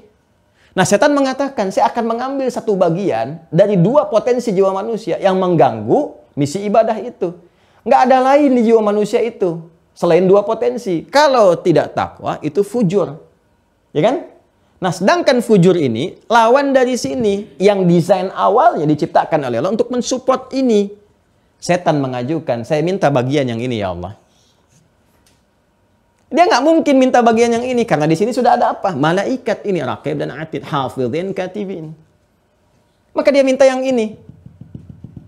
Sesuai bawaannya, sesuai karakternya. Ya. Maka di sinilah teman-teman sekalian, ya ketika Allah mensupport ya, kita supaya jadi hamba yang soleh, yang baik, ya, dan menugaskan malaikat untuk mensupport ke sini, saat yang bersamaan setan mengajukan, saya minta yang ini ya Allah, untuk membuktikan kesombongan saya, untuk membuktikan kehebatan saya dan sebagainya, ya kan? Nah, maka ini yang menjadikan nanti kita uh, lihat kenapa hikmahnya diizinkan oleh Allah Subhanahu wa taala dan bukan sekedar diizinkan tapi Allah pun menjaga kita untuk tidak terjebak pada provokasi setan. Ya, kalau Allah mau sederhana, ya udah biarkan. Ya, terus manusia suruh memilih. Kan nanti Anda akan bertanya, kenapa ya Allah engkau tidak eh, izinkan saja, jangan izinkan setan karena itu manusia akan terbebas dari keburukan. Bukan begitu cara berpikirnya. Ya, Bukan begitu. Nanti ada hikmah tertentu ketika Allah izinkan saat bersamaan Allah berikan juga tameng bagi manusia. Dijelaskan. Diuraikan. Baik, silahkan aja. Kalau engkau mampu. Nanti kita akan turunkan ayat-ayatnya. Kalau engkau mampu. ya. Nah, kalau engkau punya kekuatan. Di saat yang demikian Allah pun jelaskan kepada hamba-hamba beriman. Nih cara menjaga dari pengaruh setan. Begini caranya. Dibentangkan di Al-Quran. Telakan ini, kerjakan ini, kerjakan ini. Setan gak akan pernah punya kekuatan. Paling-paling ngebisikin, bisikin, bisikin. Kalau kamu nggak dengar, selesai. Jelas ya? Ya, pelan-pelan. Nanti kita urutkan supaya terukur bahasan kita. Ya. Lihat sini. Jadi, ketika Allah izinkan sekaligus Allah ingin menunjukkan kemuliaan ya Adam dan anak cucunya sebagai petugas khalifah di bumi, ya, sebagai pembawa misi risalah yang memakmurkan bumi, Allah berikan benteng-benteng kekuatan ke sini. Makanya di surat Al-Hijr itu nanti Al-Hijr kan benteng. Ya, benteng, sesuatu yang membentengi. Di antara hikmah disebut Al-Hijr, salah satunya terkait dengan ayat 40-nya. Nanti di situ ada konsepsi yang diberikan oleh Allah kepada kita. Kalau kita betul-betul bisa mengerjakan amalan dan mendapatkan kualitas benteng yang kuat, setan nggak akan punya pengaruh. Ya, bahkan setan sendiri yang mengatakan, lihat kalimatnya, ini kalimat setan sendiri. Illa kami minhumul mukhlasin. Ya Allah, aku akan goda. Kalau di Al-A'raf dipadukan dengan Al-Hijr, aku akan goda setiap hambamu ini dari depannya, belakangnya, kanan, kirimu gitu kan. Ya sampai engkau tidak akan mendapati sebagian besar mereka taat kepadamu. Kecuali ya Allah hamba-hambamu yang kau jamin itu. Yang mengerjakan petunjuk itu. Yang melihat bagaimana pedoman supaya bisa mengatasi godaan-godaan dariku. Ya illa ibadah kami humul mukhlasin. Kecuali hamba-hamba ibad disebut lagi. Tapi punya sifat mukhlas. Nah, sifat ini nanti akan kita bahas kemudian. Bagaimana caranya? Ya, setan sendiri berikrar mengatakan kepada Allah, ini yang akan aku nggak bisa tembus. Aku nggak bisa tembus. Jadi, dia tuh unik sekali ya, makhluk ini. Ya, merasa sombong, merasa hebat, satu sisi mengatakan demikian, sisi lain dia mengatakan, ya memang ada yang nggak bisa ditembus sih, tapi untuk membuktikan aja, nah, itu ngeyelnya ada. Jadi kalau ada manusia-manusia ngeyel, itu manusia sedang kemasukan tuh. kemasukan apa ya kita lihat nanti ya. Nah, kembali ke sini ya, supaya nggak lompat-lompat terlalu jauh. Jadi singkatnya adalah dia memohon minta kepada Allah untuk memprovokasi ini sehingga ini tunggal berdiri sendiri muncul ke permukaan. Alih-alih mensupport ini sebagai fungsi asalnya, dia belokkan supaya manusia mengikuti bisikannya ini, bisikan setan ini, makhluk ini. Saya tuliskan setan. Ya, dia provokasi kalau ini support ini provoke ya ini mensupport malaikat ke sini konotasinya positif ini memprovokasi supaya ini berdiri sendiri. Udah nggak usah support ke sini. Ini udah soleh duluan udah ada malaikatnya. Itulah bahasanya gitu kan. Udah jiwa takwa udah soleh. Udah ada malaikat udah ada yang bisikin udah ada yang jaga. Jadi kamu berdiri sendiri aja tunggal. Di alih-alih dusta mensupport jujur dusta berdiri sendiri. Maka jadi manusia pendusta. Dengan alih-alih sombong mensupport tawadu supaya muncul, maka ini disprovok oleh setan supaya berdiri sendiri, maka muncul tampilan-tampilan manusia yang sombong dan sebagainya. Baik, ini yang terjadi. Makanya Allah katakan ditutup Quran surah 91 itu ya di ayat 9 sampai 10-nya, ya kan 7 sampai 10 kan. Wa nafsin wa ma sawaha fa alhamaha fujuraha wa taqwaha. Perhatikan, qad aflaha man zakkaha. Perhatikan cara menerjemahkannya seperti saya pernah terangkan di tafsir di pertemuan yang lalu. Sungguh bahagia orang yang mampu menjadikan fujur sebagai katalis bagi takwanya. Maka hidupnya akan cenderung bahagia, cenderung sukses, cenderung baik. Ya, zakat itu kan mencuci. Mencuci itu kan bukan menghilangkan bendanya, tapi membersihkan kotorannya. Ya, jadi jangan jadikan ini kotor. Jadikan sebagai support, cuci nilai kotornya, supportkan ke sini supaya bersih. Ya, kotor itu diciptakan supaya nampak bersihnya, bukan untuk membuang bendanya. Sebab kalau bendanya bersih, ngapain dicuci? Ibu mencuci baju karena ada kotorannya. Di kotoran itu diciptakan untuk menunjukkan pakaian tidak bersih. Supaya bersihnya muncul, dicuci. Jadi kotoran itu ditampakkan bukan ingin menciptakan pakaian menjadi kotor bukan, tapi supaya bersihnya tampil. Ya, celing gitu kan, kelihatan beningnya, bagusnya, macam-macamnya. Itu yang diharapkan. Cara berpikirnya demikian, Al-Quran itu tinggi. Jadi kita harus mengikuti supaya membuat kita lebih pintar dibuat standar yang tinggi supaya kita lebih pintar, akal kita itu ter, terbawa gitu kan mengikuti alur itu. Jadi naik naik kualitas berpikir kita bagus. Makanya di surat Yusuf itu kenapa salah satunya dipilih bahasa Arab itu la'alakum ta'qilun supaya kamu itu lebih pintar. Nanti saya jelaskan lebih jauh ya. Ah, makanya nanti ada support doa pakai bahasa Arab macam-macam dan sebagainya. Nanti ada hikmahnya itu. Ada hikmahnya. Ya. Teruskan ke sini dulu ya. Nah, jadi ini asalnya. Dia minta ini berdiri sendiri. Nah, ketika ini berdiri sendiri, tutup dengan ayat 10-nya, waqad khaba man Maka akan nestapa kehidupan seseorang. Nestapa, sengsara, itu kan terjerumus pada keburukan. Mandasaha, siapa yang berdiri sendiri, mengikuti bisikan setan, mempertahankan kekotoran ini. Ya, yang mengotorinya. Apa yang dimaksud mengotori itu? Kan dominan kotorannya. Ya kan? Beda kan Bu ya? Baju kotor dengan ngotorin baju, itu beda. Baju kotor, cuci, hilangkan kotorannya. Jadi kotoran itu support untuk kebersihan. Sebab dengan ada kotoran itu tahu kita untuk memunculkan kebersihan. Beda dengan ngotorin baju. Baju dikotorin, jadi kotor kan? Ya. Maka orang pakai baju sengaja dikotorin, itu kan tampilannya jelek. Nggak bagus. Ya, dan orang juga melihatnya bermasalah gitu. Sama juga dengan ini. Orang yang mengikuti bisikan ini, sehingga alih-alih kemudian fujur berfungsi, mensupport takwa itu naik ke atas, maka dia mengotori nafasnya sendiri. Sehingga apa yang terjadi? Nafas ini yang seharusnya dapat support dari takwa, maka ini yang muncul. Fujurnya yang muncul. Ini tertutup. Ini naik ke permukaan. Kalau ini naik, teman-teman sekalian, sedangkan ini kan dorongannya kepada yang tidak baik yang di sini. Ya, dorongannya kan kalau berdiri sendiri kepada yang tidak baik. Kalau berdiri sendiri, kalau disinergikan ke sini muncul baiknya. Kalau ini muncul, citranya akan salah ini.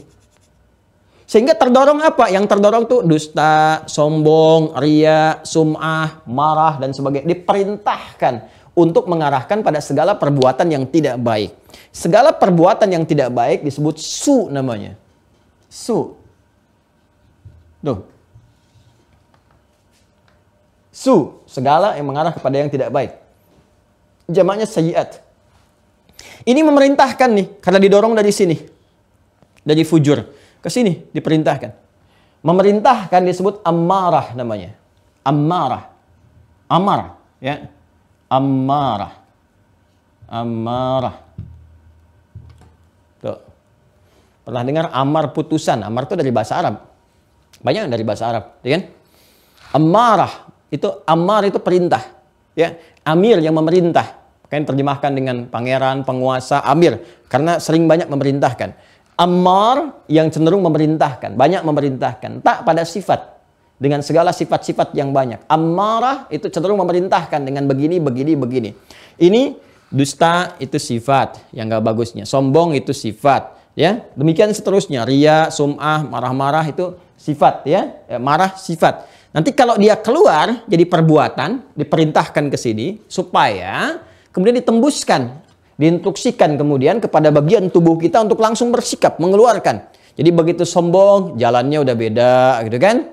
Ah, begitu pengen ria, tampilnya beda. Kan kelihatan dari sikap itu. Itu asalnya dari sini perintahnya, dari dari fujur. Kenapa? Begitu keluar jadi bentuk perbuatan jadi su. Ini yang dimaksudkan Quran surah ke-12 Yusuf ayat 53. Perhatikan alurnya, ya. perhatikan. Quran surah ke-12 ayat 53. Wa ma ubarni'u nafsi. Inna nafsa ini la ammaratum bisu. Illa ma rahimah rabbi. Ya, kita nggak bisa menilai diri kita sebagai orang suci sepenuhnya tidak. Nggak ada manusia suci sepenuhnya. Para nabi rasul pun terjaga maksum dengan sifat kerasulannya, dijaga oleh Allah supaya nggak berbuat maksiat. Tapi kalau manusia berdiri sendiri, ada kemungkinan berbuat salahnya itu tinggi. Kenapa? Karena provokasi dari sini, setan yang meminta nafsu berdiri sendiri. Kalau diikuti jadi berbahaya. Apa yang terjadi? Maka ini akan mendorong nafas, membisikkan, memberikan sebuah perintah, mengerjakan dari kandungan-kandungan sifat fujur. Maka muncullah ini. Ya, dusta, sombong, marah ini jadi perilaku. Ketika jadi perilaku jadi su. Inna nafsa karena sungguh dalam diri kita ada nafas. Di dalam nafas itu ada fujur salah satunya. Kalau diikuti la amaratum bisu akan memerintahkan pada tindakan buruk. Illa ma rahimah rabbi. Kecuali yang dirahmati oleh Allah. Bagaimana ini dirahmati oleh Allah? Mensupport ke sini. Karena itu nanti diturunkan perintah ibadah supaya ini ditaklukkan. Kenapa Anda puasa? Salah satunya kan mengendalikan nafsu. Ketika nafsu dikendalikan, maka ini kembali ke jalur yang benar. Kenapa diperintahkan sholat? Supaya mengendalikan nafsu. Tanha anil fahsya wal munkar itu kan di sini.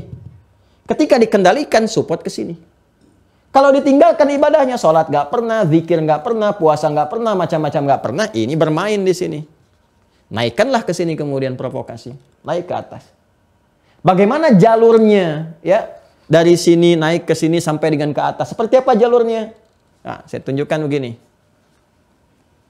Ini nafas nih yang terdalamnya. Oh, ini agak tinggi sekali ya, agak tinggi pembahasannya, jadi agak fokus. Mudah-mudahan Allah berikan hal yang sederhana untuk memahami. Ini takwa. Ini fujur. Ya kan?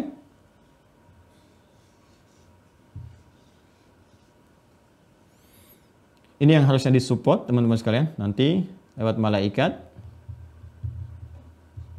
Amal saleh. Berupa ibadah. Support untuk menaikkan takwa ini. Jadi saya, terang, saya sudah terangkan, kalau ini bisa dikerjakan, nanti memunculkan kualifikasi manusia baik yang disebut dengan abror namanya. Abrar. Kalau dipertahankan, dia bisa mendapatkan rahmat Allah sampai ke akhirat dapat surga yang meraih kenikmatan di dalamnya. Nikmat, indah, tenang. Makanya disebut di Al-Quran, Innal abrara, innal abrara lafi na'im. Sungguh orang-orang baik itu yang berjuang meningkatkan takwanya, lafi na'im bisa mendapatkan banyak kenikmatan. Sedangkan surga disebut dengan na'im. Quran surah At-Tur itu, innal muttaqina fi jannati wa na'im. Jelas ya? Ini harusnya jalurnya begini. Nah, mensupport ke sini, ya. Cuma nanti ada provokasi dari setan sehingga membelokkan ini dia punya fungsi yang seharusnya ke sini dibelokkan fungsinya berdiri sendiri ke sini. Yang seharusnya begini, ya kan? Jadi fungsinya berdiri sendiri ke sini. Ya, ini garisnya kan garis komandonya ke sini harusnya, diperintahkan ke sini. Cuma diprovokasi, kenapa saya bikin titik-titik nanti saya jelaskan. Ya. Begini, kalau ini diikuti, dia berdiri sendiri. Ya, maka nanti disebutkan dampak akibatnya Quran surah ke-91 tadi ayat 10. Wa qad khaba man dassaha. Ya, siapa pun yang mengikuti alur ini maka khaba. Ya, terhina dia, kemudian nestapa dia, ya, dan e, larut dalam keburukan-keburukan. Ini aflaha man zakkaha, ini wa qad khaba man dassaha. Ini yang berbahaya. Maka orang-orang yang mengikuti ini pun jangankan di akhirat, di dunia pun itu akan mendapatkan penilaian yang yang buruk. Ya, terhinakan. Kalau nggak percaya silakan. Punya kedudukan, sombong aja dengan kedudukan. Sombong, sombong, sombong. Orang akan memberikan apresiasi. Punya harta, sombong silakan. Sombong aja. Pakai motor sombong, sepeda sombong, pakai mobil sombong, sombong aja. Orang nggak akan apresiasi. Maka hidupnya terhina.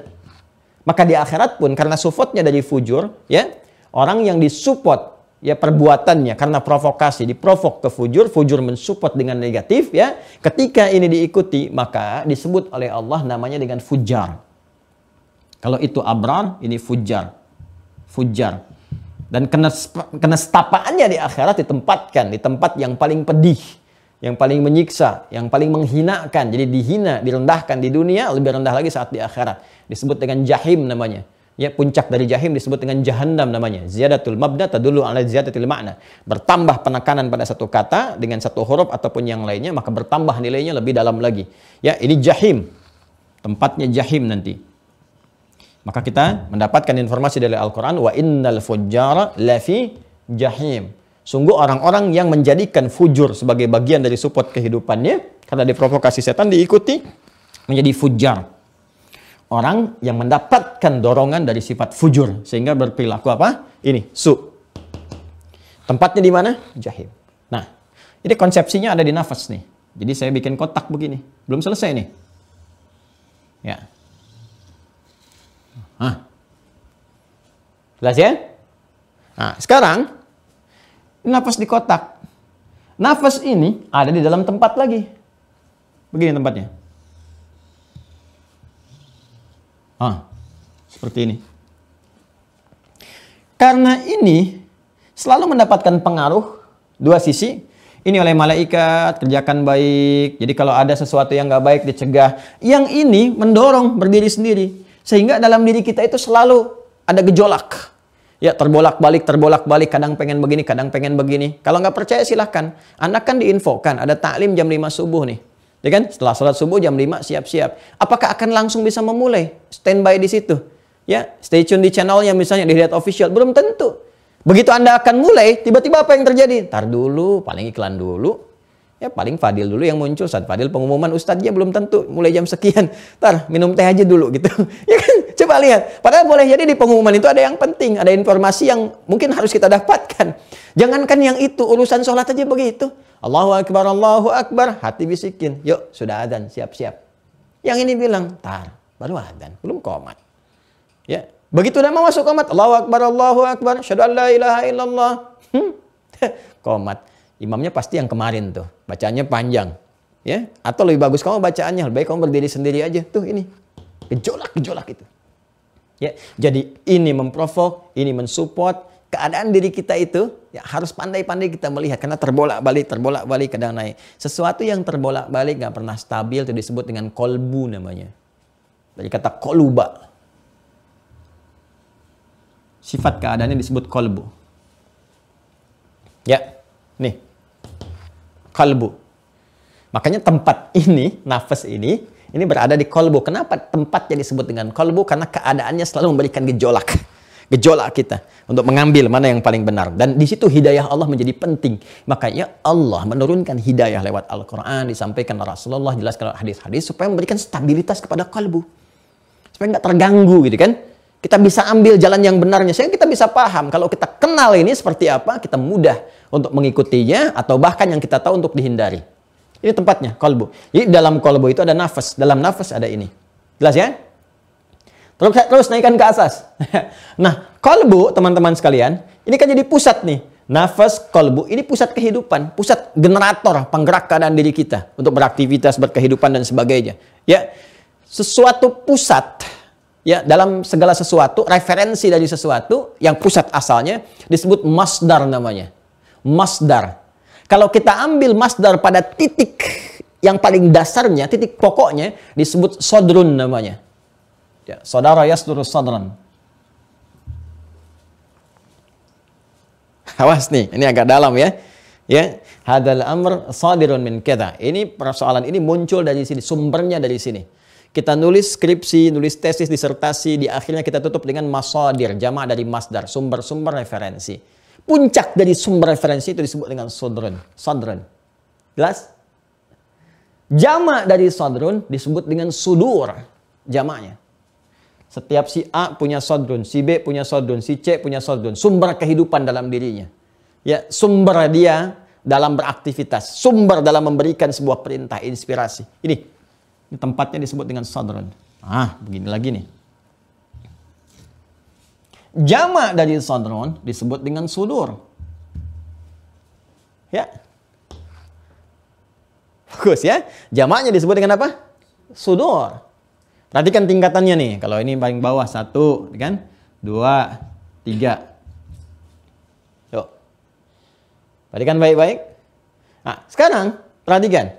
Di sini ada dua, satu, dua. Ini yang memberikan jalan kepada kita. Ini tugas untuk memberikan support. Ini memprovokasi. Sekarang bagaimana cara setan? Kan kita udah kenal malaikat, udah selesai kemarin kan? Ya, yang belum tuntas review, review, cek lagi. Cara setan bagaimana dia mencoba memprovokasi ini fujur sehingga mengaktifkan sel atau potensi fujur ini berdiri sendiri. Memprovok kepada fujur, naik ke nafas, tembus ke kolbu, ke sudur, kemudian ke akal, ke perilaku. Itu sepersekian detik kuasa Allah, sepersekian detik. Menjadikan semua sikap kita itu ya bersumber dari sifat, sifat bersumber dari dua ini. Ya, sepersekian detik sekali. Bagaimana caranya? Maka ternyata dia masuknya lewat sini dulu. Nggak langsung ke sini. Dia masuk lewat sini. Sudur.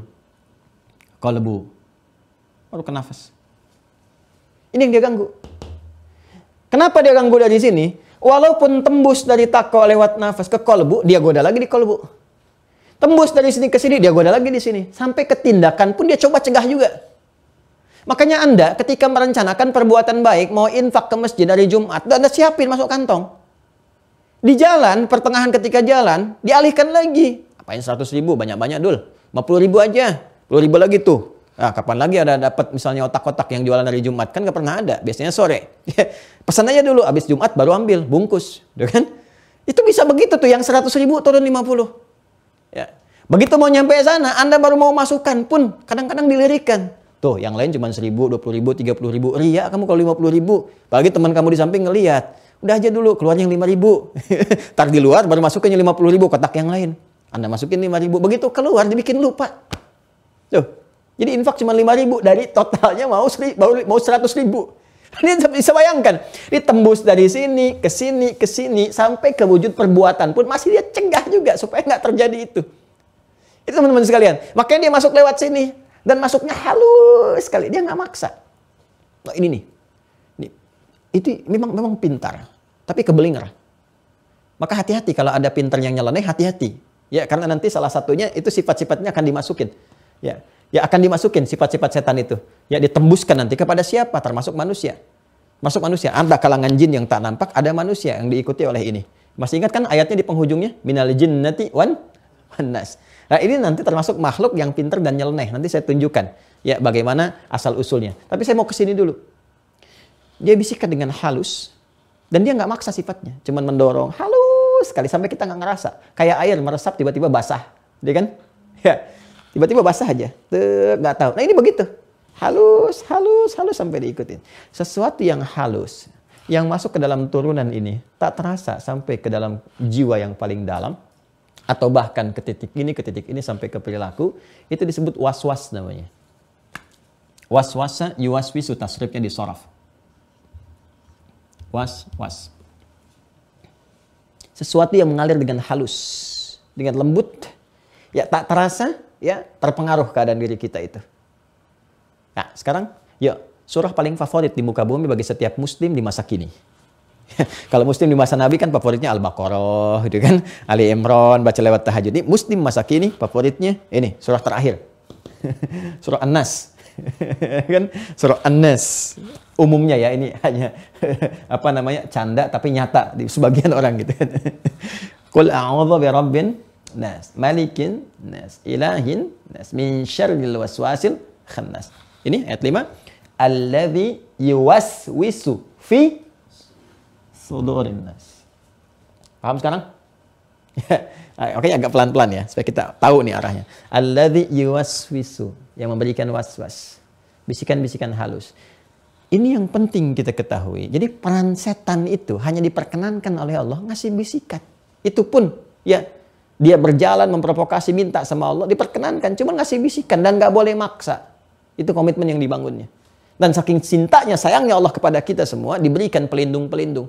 Ini pelindungnya begini, menangkal bisikan begini, ikutin yang ini, jangan ikutin yang ini. Petunjuknya begini, bentengi begini. Dia akan pergi dengan sendirinya, dia akan mampu untuk menembusnya. Gitu. Cuman kebanyakan manusia pada umumnya nggak belajar itu, ditinggalkan tuntunannya, nggak dibaca pedomannya. Anak kalau nggak baca pedoman, mau berangkat ke mana, nggak dilihat petanya, tersesat juga kan? Ya, anak kalau nggak ngikutin sesuatu, beli barang elektronik, nggak dibaca pedomannya, rusak juga barangnya. Nah barang aja yang nggak bernyawa bisa rusak. Maka manusia yang punya nyawa kalau nggak ikut pedoman rusak juga. Kalau nggak sesat bisa rusak. Makanya perilaku rusak, jalan tersesat, ya pikiran juga kacau dan sebagainya karena nggak baca pedoman. Nah pedoman yang dibaca itu pedoman dari pencipta, bukan yang dibuat-buat oleh yang diciptakan. Pencipta itu siapa? Satu-satunya kitab suci yang menerangkan bahwa Tuhan yang mengatakan saya pencipta. Cuman Al-Quran. Silahkan cek. Di kitab mana pun yang Tuhannya langsung mengatakan, saya adalah pencipta, saya Tuhan, gak ada Tuhan selain saya, sembah saya. Gak ada. Cuma di Quran. Ya, inni khalik, inni khalik. Ya, di Quran surah 15 tadi kan, ayat 28, wa idh qala rabbuka lil malaikati inni khalik, saya khalik. Inni khalikum basyara. Dan saya Tuhan, sembah saya. Quran surah 20 ayat 14. Quran surah 20 Toha ayat 14. Innani anallahu. Saya ini Allah. La ilaha illa ana. Gak ada Tuhan selain saya. Sayalah pencipta. Fa'budni, sembah saya. Cari di mana pun yang mengatakan saya Tuhan, gak ada Tuhan selain saya, sembah saya, kecuali di Al-Quran. Ya. Dan ketika itu Allah maha adilnya membuat ya kepada kita sebuah desain kehidupan. Lalu berfirman, dengan firmannya itu jadi pedoman kehidupan. Diterangkan ini semua. Cari, silakan cari yang paling detil. Menerangkan tentang aspek kehidupan kita sampai ke setan-setannya dibahas. Sampai ke perilakunya, sampai cara kemudian mengatasinya. Sampai filternya bagaimana, cara nembusnya seperti apa, ya cara kita kemudian ya e, memfilter ini bagaimana, tamengnya seperti apa, jelaskan tuntas. Nah, cuma ini was-was. Jadi kalaupun dia berperan, hanya bisikan saja. Bisikan halus. Dan sifatnya tidak memaksa. Ingat. Tidak memaksa. Makanya nanti setan akan berlindung dengan dua hal ini. Ketika semua manusia mengecamnya. Nanti kita akan masuk ketika masuk ke babnya sendiri ya. Jadi supaya pelan-pelan bertahap. Nanti kalau kita lompat sedikit aja, ketika dihisab banyak orang berbuat maksiat, salah dan sebagainya, boleh menghujat setan. Karena makhluk ini nih ya Allah nih, karena dia nih. Apa pun bahasanya manusia menamainya. Ada bilang Lucifer, ada yang bilang macam-macam. Karena dia nih, si iblis ini nih.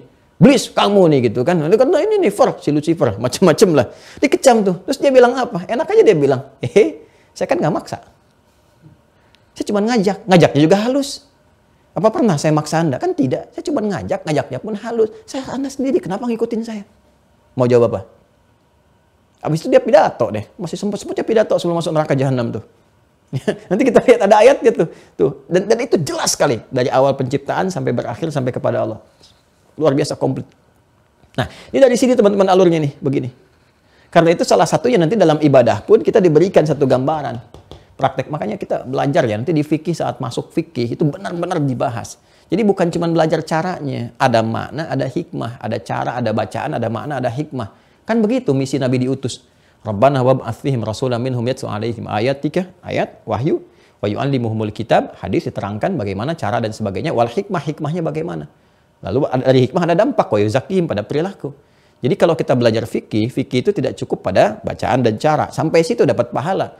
Tapi hikmah kehidupan gak dapat. Hikmahnya apa? Esensinya apa? Sama setiap ibadah itu ada gambaran, ada makna. Jangan dikira sholat, disebut namanya saja. Itu tidak, itu ada maknanya. Kenapa disebut subuh? Subuh ada dua dengan fajar, subuh, fajar itu ada maknanya. Kenapa disebut zuhur sampai ke isya? Termasuk gerakan. Ya, menghadap kiblat itu ada maknanya, kaki dibentangkan ada maknanya, tangan diangkat ada maknanya. Yang paling menarik, cepat sedikit, ketika diangkat tangan diletakkannya di mana? Cek di hadis. Sodrun. Coba lihat gerakan kita dalam sholat ketika mengangkat seperti ini kan. Dan seperti ini pun, kan ada tiga nih. Seperti ini, gini. Terus di sini pergelangan dengan pergelangan. Ketika ada takbir Allahu Akbar langsung di sini. Gak usah diukur dulu, bang. Pas kan? Ada yang digenggam gini kan? Letakkannya di mana? Sodron. Ya, di sodron. Lihat redaksi hadisnya. Kalau ini nahrun di sini nahrun. Ya, di, uh, saya sudah mengajarkan ini di bab fikih sholat. Cek nanti ya di hadits official ada bab tentang fikih sholat. Di situ dilihat bagaimana saat bertakbir. Di sini nahrun namanya. Ini batnun perut di sini. Ini di sini. Kalau sodrun di sini antara perut dengan di sini. Ya, ini bagian atas dengan di sini. Jadi ada rongga di sini nih. Ada rongga ya. Ini disebut dengan sodrun di sini. Nah, ya ini disebut dengan sodrun. Jadi di antara ini, ini nahrun. Kalau ini leher kan halak di sini nahrun bagian atas. Makanya unta, unta disembelihnya di sini. Inna a'tainakal kautsar fasalli li rabbika har. Unta di sini. Ya ini nahr namanya. Kalau di sini letakkan Anda di nahr namanya. Kalau Anda sholat meletakkan ini nahr namanya. Ya, tempatnya bukan di sini. Bukan di batun juga di perut di sini. Ya.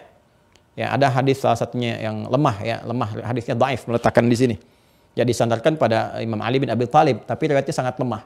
Ya, yang uh, kuat, yang sahih di sini di sadrun. Di sadrun letaknya di sini. Ya, para ulama mengatakan itu dan nahli wal batni. Jadi di sini ada ruang di sadrun namanya. Nah, poinnya adalah poinnya hadisnya mengatakan sadrun walaupun ulama ikhtilaf tempatnya di mana tapi disebutkan sadrun. Tapi kita menggenggamkan begini. Apa ini maksudkan? Jaga ini nih jaga. Sodron kita jaga. Jangan sampai kena oleh setan. Jangan dengarkan bisikannya. Dengarkan bisikan yang baik-baik yang dari malaikat. Makanya setiap sholat tadi ingatkan jaga betul hati kita. Jaga hati kita, jaga hati kita, jaga hati kita. Sampai Nabi mengingatkan lagi dalam hadisnya yang sahih. Kalau baca di Al-Arba'in kan hadis nomor 6 itu. Ya, innal halala bayyinun wa innal harama bayyinun bainahuma umurun mustabihat sampai ke kalimat wa inna fil jasadi ala wa inna fil jasadi mudghah Ya, idza salahat salahal jasadu kullu wa idza fasadat fasadal jasadu kullu ala wahyal qalbu. Qalbu, dalam kalbu ada nafas, dalam nafas ada ini. Makanya jaga betul. Bagaimana cara menjaganya? Satu, lihat konsepsi ininya, ikutin bisikin mala, bisikan malaikat. Ya, ikutin bisikan malaikat. Istafti kolbak di hadisnya. Dengar suara hatimu. Ya, karena bahasanya istafti, fatwa. Fatwa itu nggak mungkin minta yang keliru. Nggak mungkin. Kita minta fatwa ke majelis hakim, minta fatwa ke MA, fatwa yang benar. Kalimat fatwa itu kepada yang baik. Jadi nggak mungkin fatwa dikasih yang jelek. Pernah nggak minta fatwa kepada koruptor? Minta fatwa kepada perampok? Nggak ada. Anak buah perampok minta fatwa kepada pimpinannya? Nggak ada. Fatwa itu pasti pada yang baik. Minta fatwa ke MUI karena yang di situ kumpul ulama. Minta fatwa ke mahkamah karena ada hukama. Hukama itu orang bijak, orang adil. Makanya nggak boleh hakim memberikan fatwa yang jelek, yang ngawur, yang salah. Nggak boleh, yang keliru nggak boleh. Dosanya besar. Dosa dunia, dosa akhirat itu. Ya, dunia dapat kecaman, akhirat dapat hukuman.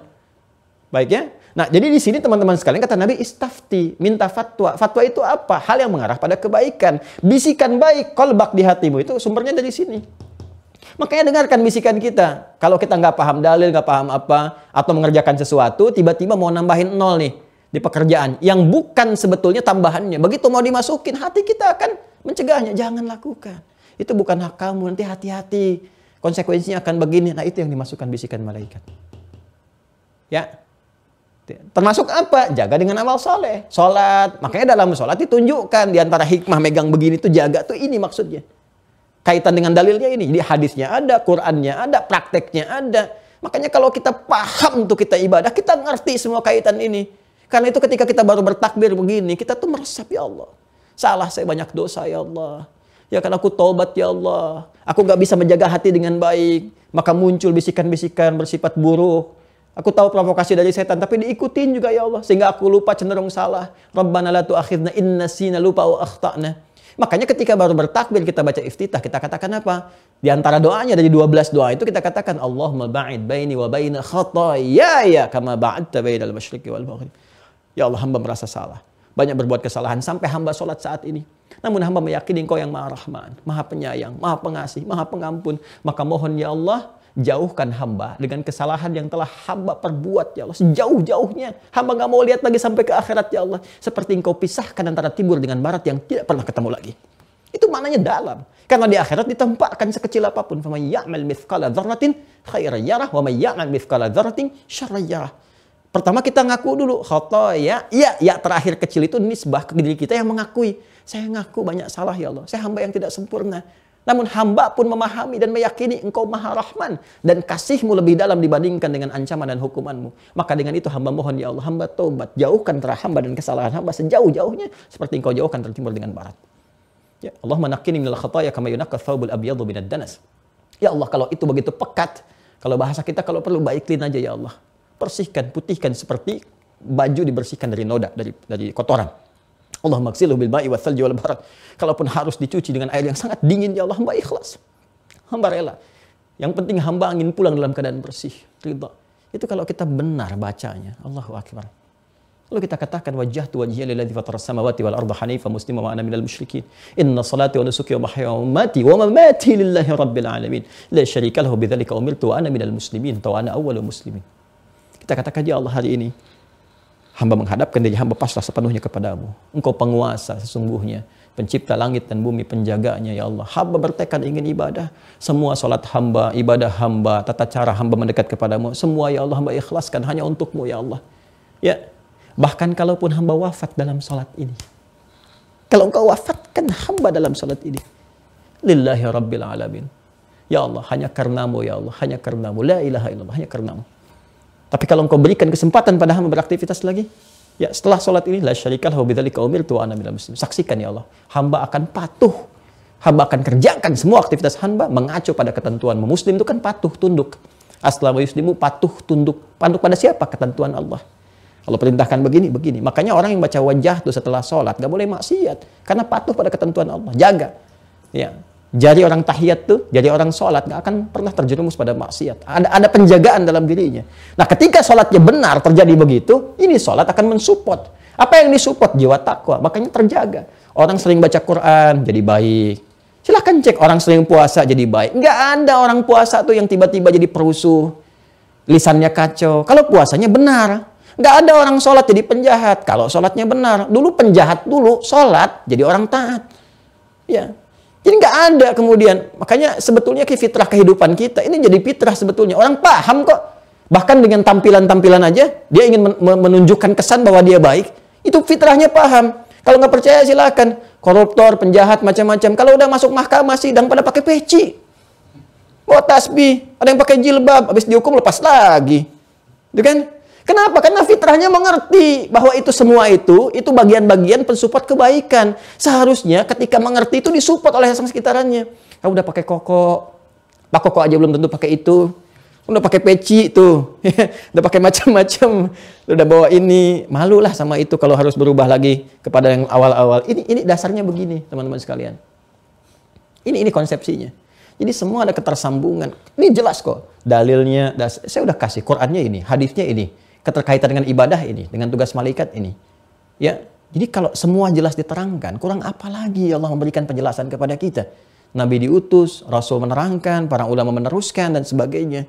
Jelas, tinggal kesadaran kita untuk memanfaatkan ini secara baik sebagai pedoman kehidupan. Nah, pertanyaan besarnya adalah siapa ini setan ini? Gitu kan? Ini ini siapa sebetulnya? makhluk satu ini nih. Siapa ini? Ini siapa? Asalnya dari mana? Kok tiba-tiba muncul dalam pembahasan kita, gitu kan? Dan dia melakukan kontra pada tugas malaikat. Ini siapa nih makhluk nih? Malaikat udah kita jawab, asalnya dari malak. Malak itu siapa? Sumbernya dari mana? Diciptakan dari apa? Nah sekarang pertanyaannya, ini makhluk siapa? Kenapa tiba-tiba bisa muncul? Kenapa nantangin tugasnya malaikat? Kenapa saking bencinya sama Adam dan keturunannya? Ada apa sebetulnya? Dan bagaimana jalan hidupnya, seperti apa. Sebelumnya bagaimana, siapa dia, tugasnya apa, ke mana arahnya, sampai puncak akhirnya. Ini nanti dalam episode selanjutnya kita bahas. ya, jadi kita sampai sini dulu nih. Yang penting paham dulu nih ya. Jadi kalau ada suara-suara yang jelek, pasti ini sumbernya nih. Ya, nah ini ya. Nah, kalau ada suara-suara yang baik, pasti malaikat. Latihan, teman-teman sekalian. Kalau kita kan sudah balik, ya bagi yang balik sudah mengerti, jadi tinggal diterapkan dalam kehidupan. Kalau ke anak-anak lain lagi, gitu kan? Saya waktu dapat materi-materi begini, walaupun terpisah-pisah dan semoga Allah muliakan guru-guru kita semua ya yang telah mengajarkan kita kebaikan-kebaikan. Saya coba rangkumkan dari berbagai guru yang mengajar, kitab-kitab yang kita baca. Ya, ini nggak nggak kita dapatkan dalam satu buku tertentu, kitab tertentu. Nggak ada yang jelaskan ini sampai detik ini saya belum pernah temukan satu kitab, satu buku misalnya membahas ini semua dari awal mengaitkan semua. Ini kita temukan terpisah-pisah Jadi kita temukan temukan di sini, temukan di sini, kita satukan satu-satu gitu kan. Nah, berkumpul sedangkan ini semua mengacu kepada sumber yang sama itu di Al-Qur'an. Makanya rajin ngaji, rajin ngaji yang benar, yang baik, ya, baca hadis kan dari baca-baca daripada yang nggak jelas-jelas lah tiap hari. Ya kan, berita kan begitu-gitu aja, ya. Begini, begitu, begini, begitu. Cari yang jelas, yang udah pasti, yang terkait dengan kehidupan kita. Yang kita amalkan. Jadi ini kurang lebih teman-teman sekalian. Jadi kesimpulannya adalah dalam diri kita pun ada yang berusaha memberikan pengaruh untuk tidak memfungsikan bagian satu tubuh kita yang penting, potensi kehidupan kita yaitu sifat fujur yang seharusnya mensupport jiwa takwa kita, dia ajak untuk berdiri sendiri sehingga melahirkan uh, kemandirian dalam bersikap yang salah dari sumber-sumber keburukan yang hadir dari sifat fujur dimaksud makhluknya kita kenal kita sebut dengan setan. Dia mencoba menggoda bahkan bukan hanya dari jiwa nafas ya yang di dalamnya ada fujur tapi dia membuka ruangnya dengan lebih jauh baik di kolbunya ataupun sampai dengan di sulurnya. Sehingga Al-Qur'an mengatakan alladzi wasisu fi sudurin nas minta pertolongan kepada Allah ya dari sifat makhluk yang menggoda bahkan dari sejak sudurnya. Nabi mengatakan istafti kolbak gitu kan dari ke kolbunya dan dia juga ingin membawa bagian dari kolbu itu kepada jiwa terdalam itu sifat fujurnya sampai dia berkata la takhidanna min ibadika nasibam mafruḍa. Nah, apa yang dia lakukan dengan itu semua? Dia berkata fala udillannahum wala umanniyannahum. Maka aku akan coba sesatkan semua manusia itu dengan memanfaatkan sifat fujur, maka dibuat tersesat, dibuat salah jalan dan sebagainya. Fala umanniyannahum ya maka aku akan berikan imajinasi, angan-angan. Maka ada di antara banyak manusia yang sering berimajinasi, berangan-angan, bahkan tidak sedikit kejahatan pun muncul dari angan-angan ya angan-angan pengen cepat kaya akhirnya berbuat jahat. Ada kejahatan spiritual seperti datang ke dukun macam-macam dan sebagainya.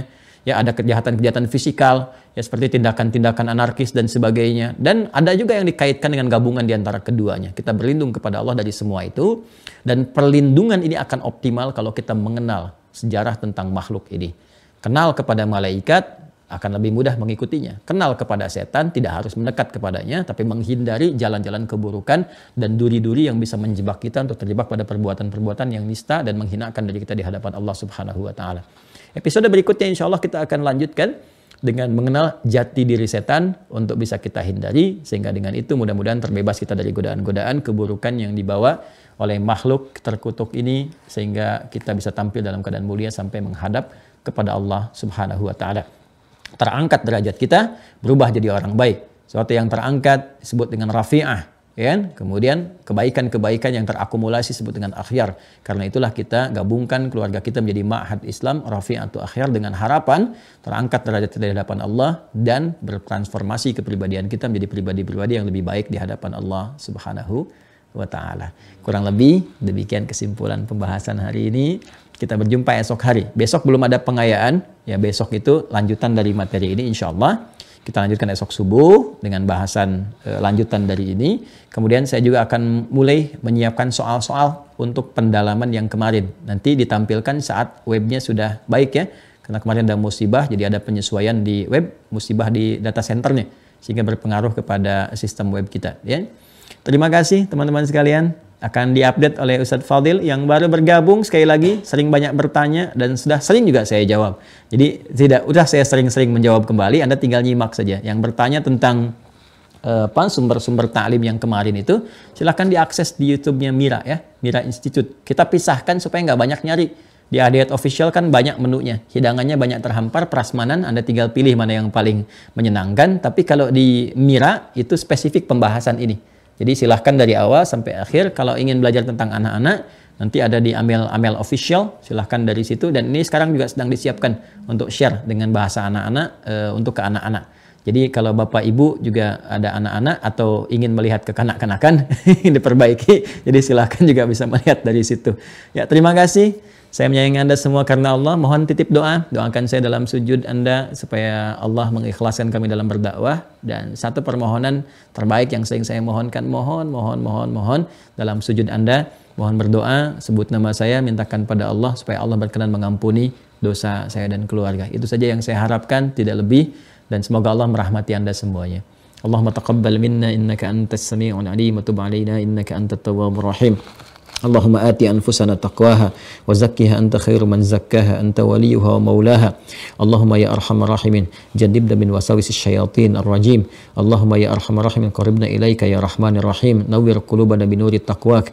اللهم نور قلوبنا بنور القرآن ونور أخلاقنا بأخلاق القرآن ونور قبور المسلمين والمؤمنين بأعمالهم الصالحة. ورضاك يا أرحم الراحمين. وألحقنا معهم والصالحين مع الذين أنعمت عليهم من النبيين والصديقين والشهداء والصالحين. وحسن أولئك رفيقا. ربنا آتنا في الدنيا حسنة وفي الآخرة حسنة وقنا عذاب النار. وصلى الله على سيدنا محمد وعلى آله وصحبه أجمعين. وآخر دعوانا سبحانك اللهم وبحمدك نشهد أن لا إله إلا أنت نستغفرك ونتوب إليك والحمد لله رب العالمين. ثم السلام عليكم ورحمة الله وبركاته.